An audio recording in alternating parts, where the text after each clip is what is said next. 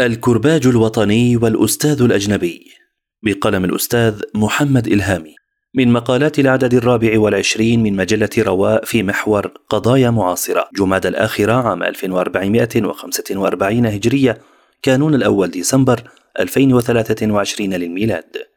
لما دخل الاحتلال الإنجليزي إلى مصر نزل إليها اللورد دوفرين السفير الإنجليزي في الاستانه وقضى وقتا ثم كتب تقريرا لبيان الطريقة المثلى للسيطرة على الشعب. فذكر فيه أنه لا يمكن المحافظة على النظام في القطر المصري إلا بتأديب أهله بواسطة أستاذين من الأجانب وبالكرباج الوطني. وهذا هو التقرير الذي سارت عليه بريطانيا فعليا في حكم مصر. فلم تفرض الحماية البريطانية أي الاحتلال الرسمي على مصر إلا سبع سنوات. من بين سبعين سنة هي عمر الاحتلال الحقيقي في مصر.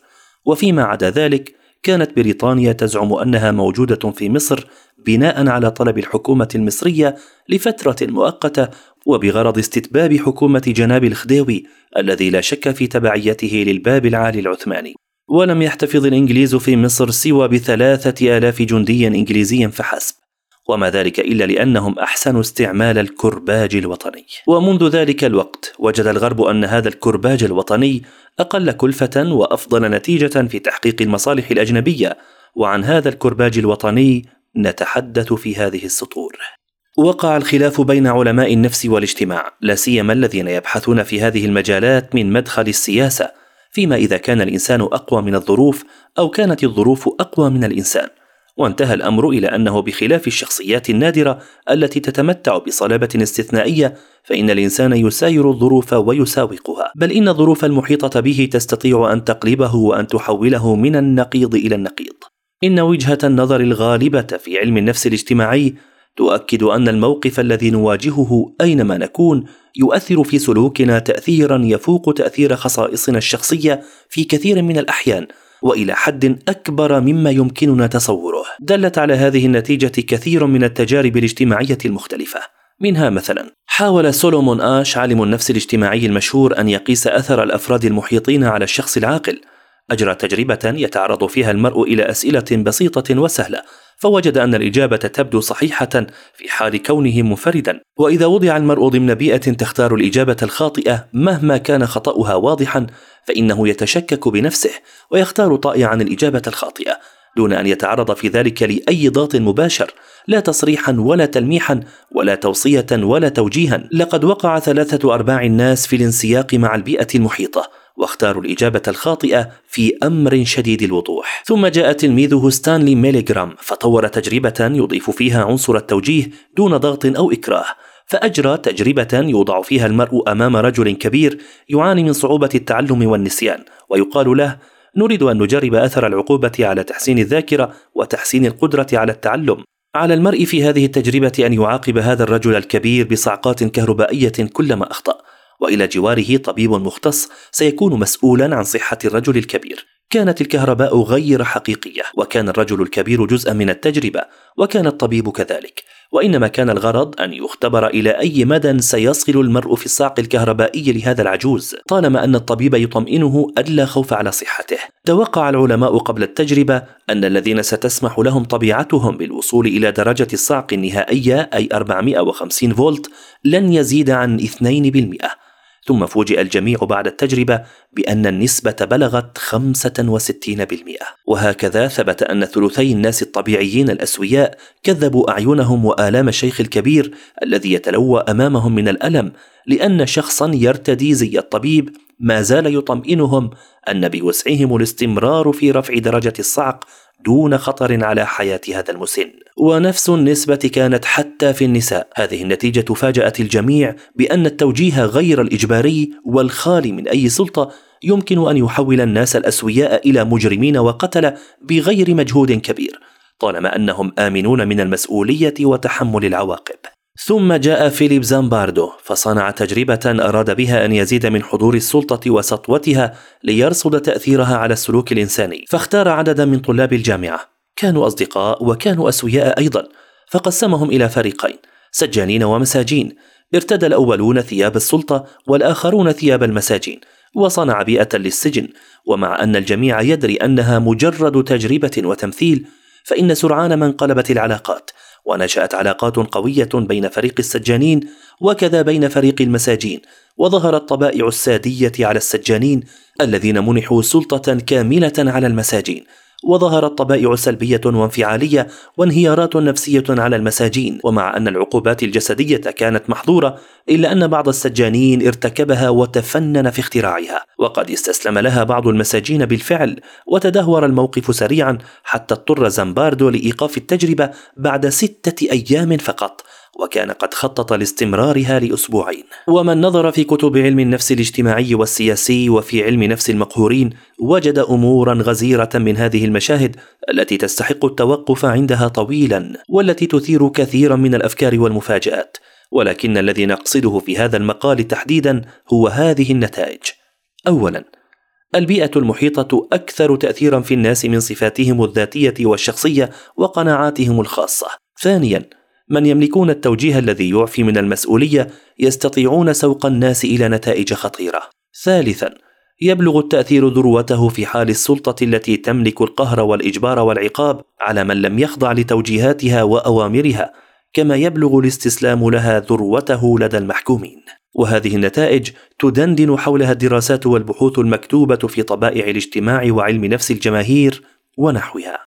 قبل هذه التجارب بستة قرون كتب ابن خلدون في مقدمته فصلا بعنوان المغلوب مولع بالاقتداء بالغالب وضرب على ذلك المثل بما يكون لدى الناس من حب التشبه بالملوك والسلاطين والتشبه بالأجناد والشرط وذلك لكونهم الغالبين عليهم وبما يكون لدى الولد الصغير من حب التشبه بأبيه لكونه الغالب عليه وجعل ذلك كله مصداقا للمثل السائر الذائع الناس على دين ملوكهم. فإذا كان الملك طاغية جبارا فإن الناس يتشربون هذا الخلق عنه في من لهم عليه ولاية وسيطرة. وهذا يفسر لماذا يبدو نفس الإنسان خاضعا خانعا لمن فوقه طاغية متجبرا على من تحته.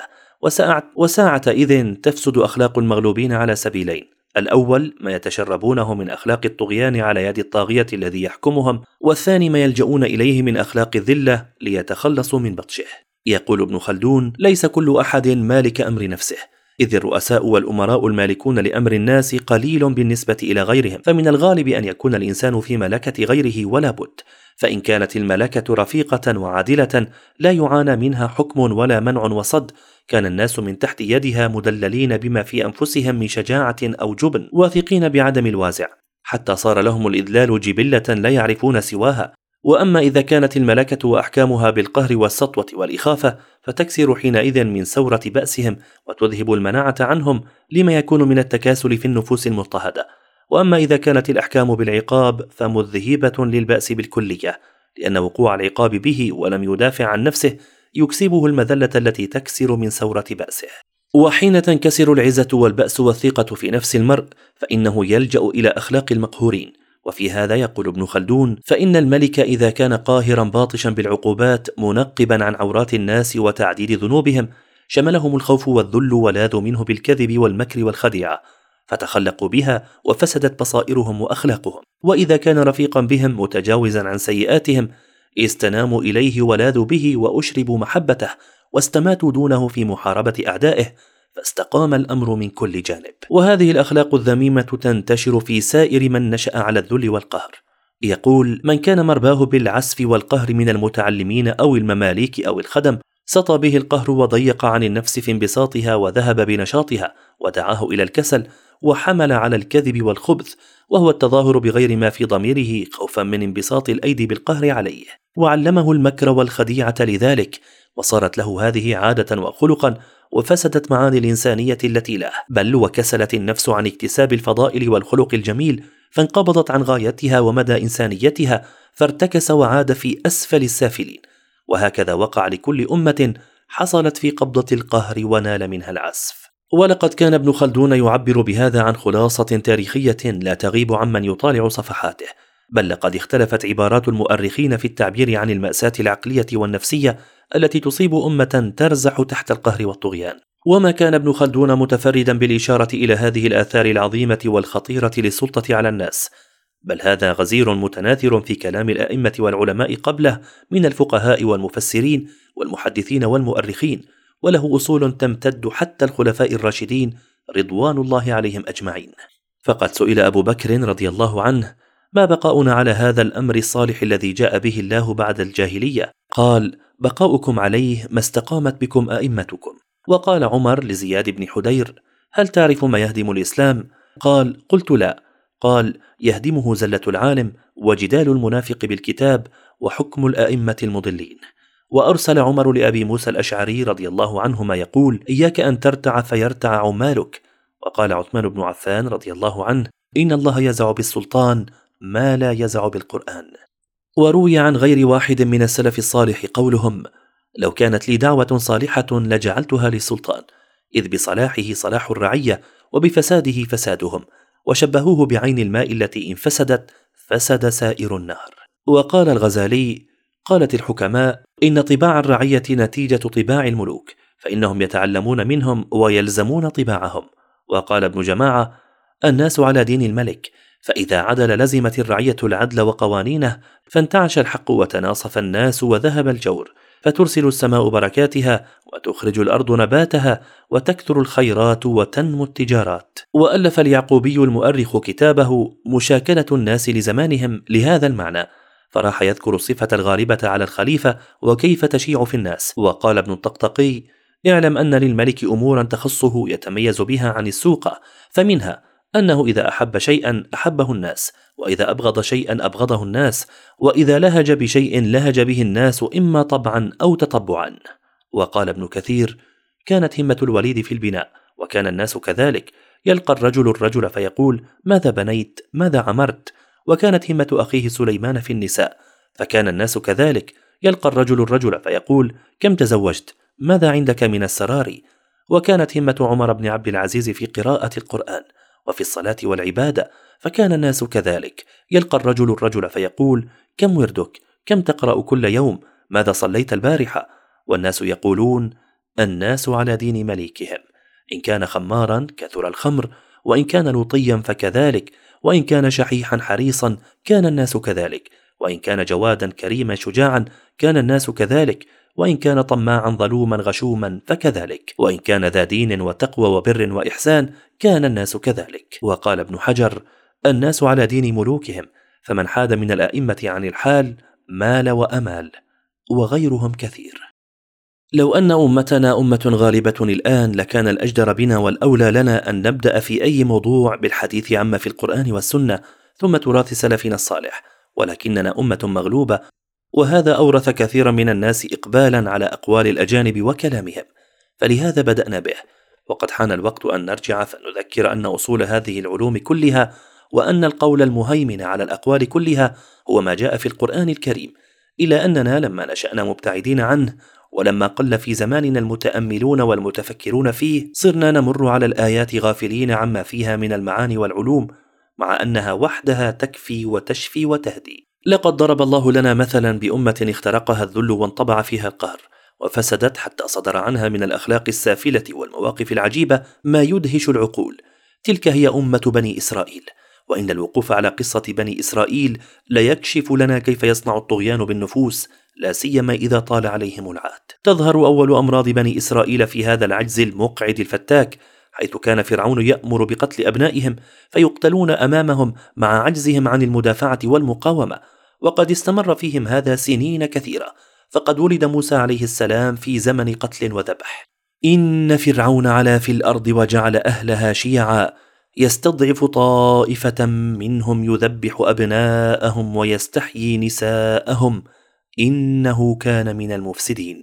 وبعدما بعث نبيا أي بعد أكثر من أربعين سنة عاود فرعون سياسته.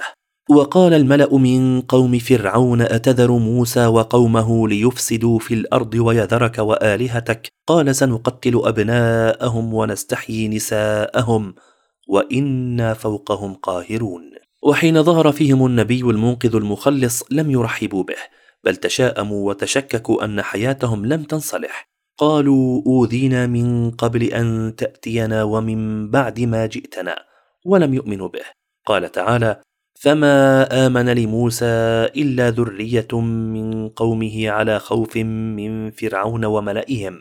ولما نجاهم الله بالمعجزة الهائلة الرهيبة وأهلك فرعون أمام أعينهم لم يتخلصوا من آثار الفرعونية القاهرة التي سحقت نفوسهم بل ظلت تلك الصفات كامنة فيهم تخرج عند أدنى اختبار.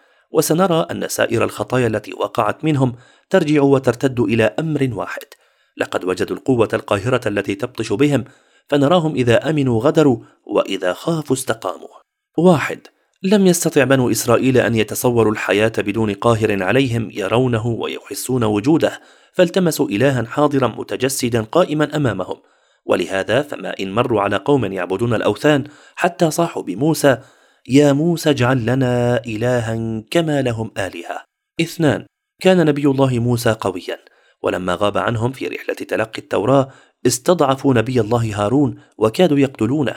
قال ابن أم إن القوم استضعفوني وكادوا يقتلونني فلا تشمت بي الأعداء ولا تجعلني مع القوم الظالمين. ثلاثة ولكن لماذا أرادوا قتل هارون؟ ما كان ذلك إلا لأنهم أرادوا إلها متجسدا أمامهم من جديد. وقد انتهز السامري فرصة غياب موسى فصنع لهم عجلا من ذهب فأقبلوا عليه يعبدونه. واتخذ قوم موسى من بعده من حليهم عجلا جسدا له خوار. ألم يروا أنه لا يكلمهم ولا يهديهم سبيلا؟ اتخذوه وكانوا ظالمين. أربعة.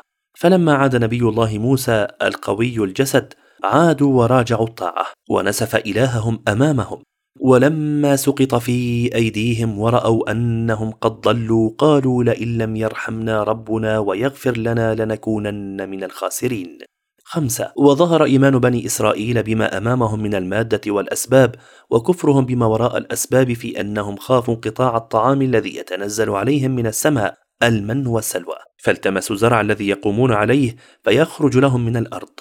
يا موسى لن نصبر على طعام واحد فادع لنا ربك يخرج لنا مما تنبت الأرض من بقلها وقثائها وفومها وعدسها وبصلها. ستة. ولم يعتدل امرهم إلا حين أوقعهم الله تحت تهديد مادي محسوس ومرئي. وذلك لما رفع الله فوقهم جبل الطور على هيئة التهديد لهم. واذ نتقنا الجبل فوقهم كانه ظله وظنوا انه واقع بهم. خذوا ما اتيناكم بقوه واذكروا ما فيه لعلكم تتقون. سبعة. وظهر هذا الإيمان بالأمور المادية المحسوسة والكفران بالغيب حين حثهم موسى على الجهاد فارتعبوا وقالوا إن فيها قوما جبارين وإنا لن ندخلها حتى يخرجوا منها. ولما ذكروا بالله وقوته وقدرته وأن الله قد وعدهم بالنصر إذا هم جاهدوا لم يؤثر هذا فيهم شيئا بل قالوا هذه الكلمة الصارخة المعبرة عن حقيقة نفوسهم يا موسى إنا لن ندخلها أبدا ما داموا فيها فاذهب أنت وربك فقاتلا إنا هاهنا قاعدون. ثمانية وأشد وأظهر ما عبر عن نفسية بني إسرائيل التي اعتادت الخوف من الطاغية القائم أمام أبصارهم والذي يشعرون بحضوره وهيمنته هو قولهم يا موسى لن نؤمن لك حتى نرى الله جهرة. ولقد مد الله لهم في الفرصة بعد الفرصة وفي العفو بعد العفو ثم ما كان لهم إلا عقوبة الاستبدال. قال تعالى قال فإنها محرمة عليهم أربعين سنة يتيهون في الأرض. يقول ابن خلدون وذلك بما حصل فيهم من خلق الانقياد وما رأموا من الذل للقبط احقابا حتى ذهبت العصبية منهم جملة مع أنهم لم يؤمنوا حق الإيمان بما أخبرهم به موسى من أن الشام لهم وأن العمالقة الذين كانوا باريحا فريستهم بحكم من الله قدره لهم فأقصروا عن ذلك. وعجزوا تعويلا على ما في أنفسهم من العجز عن المطالبة لما حصل لهم من خلق المذله وطعنوا فيما أخبرهم به نبيهم من ذلك وما أمرهم به. فعاقبهم الله بالتيه وهو أنهم تاهوا في قفر من الأرض ما بين الشام ومصر أربعين سنة لم ياوا فيها لعمران ولا نزلوا مصرا ولا خالطوا بشرا.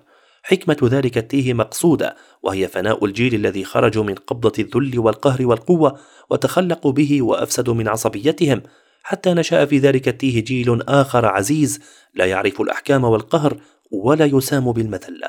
وهكذا نرى أن الطغيان أفسد الجيل الذي تهيأت له كل الفرص الممكنة للإنقاذ. ظلم شنيع قاهر طويل وقائد منقذ هو نبي من أولي العزم من الرسل أي أنه من أفضل خمسة بشر خلقوا في التاريخ ومعه نبي آخر يعضده هو هارون عليه السلام. ومعية ربانية رأوا معجزاتها الكبرى بأعينهم حين نجوا وهلك فرعون فما كان له إلا الاستبدال.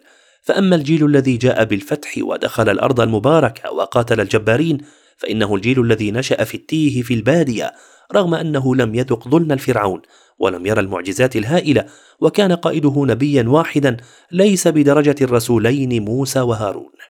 إذا استوعبنا ما سبق فلن يكون غريبا ولا عجيبا أن نرى أعداءنا المحتلين أحرص الناس على استبقائنا في الذل والقهر.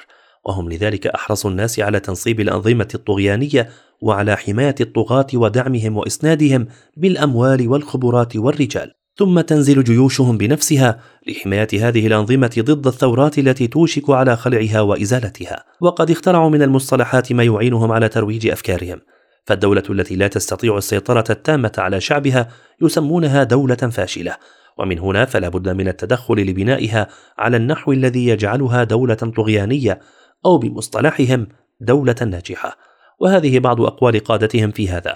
قالت كونداليزا رايس التي شغلت منصبي مستشارة الأمن القومي ووزيرة الخارجية الأمريكية الدول الضعيفة والفاشلة تشكل تهديدا أمنيا خطيرا على الولايات المتحدة. فهي لا تستطيع السيطرة على حدودها وقد تصبح الملاذ الآمن للإرهابيين. لذلك فإن إعادة بنائها يشكل مهمة ضخمة وهامة في آن قال هنري كيسنجر مستشار الأمن القومي الأمريكي وأحد أبرز الشخصيات السياسية الأمريكية عندما لا تكون الدول محكومة بكليتها يبدأ النظام الدولي أو الإقليمي نفسه بالتفكك. فضاءات خالية موحية باللا قانون تطغى على أجزاء من الخريطة من شأن انهيار أي دولة أن تقلب أرضها إلى قاعدة للإرهاب. ومهما طالت متاجرة هؤلاء الأجانب بالحريات والحقوق والعدالة والقوانين فإنما هذا كله أصنام الجاهلية المعاصرة وهي الأصنام المأكولة إذا عارضت مصلحة الأجانب وعملائهم.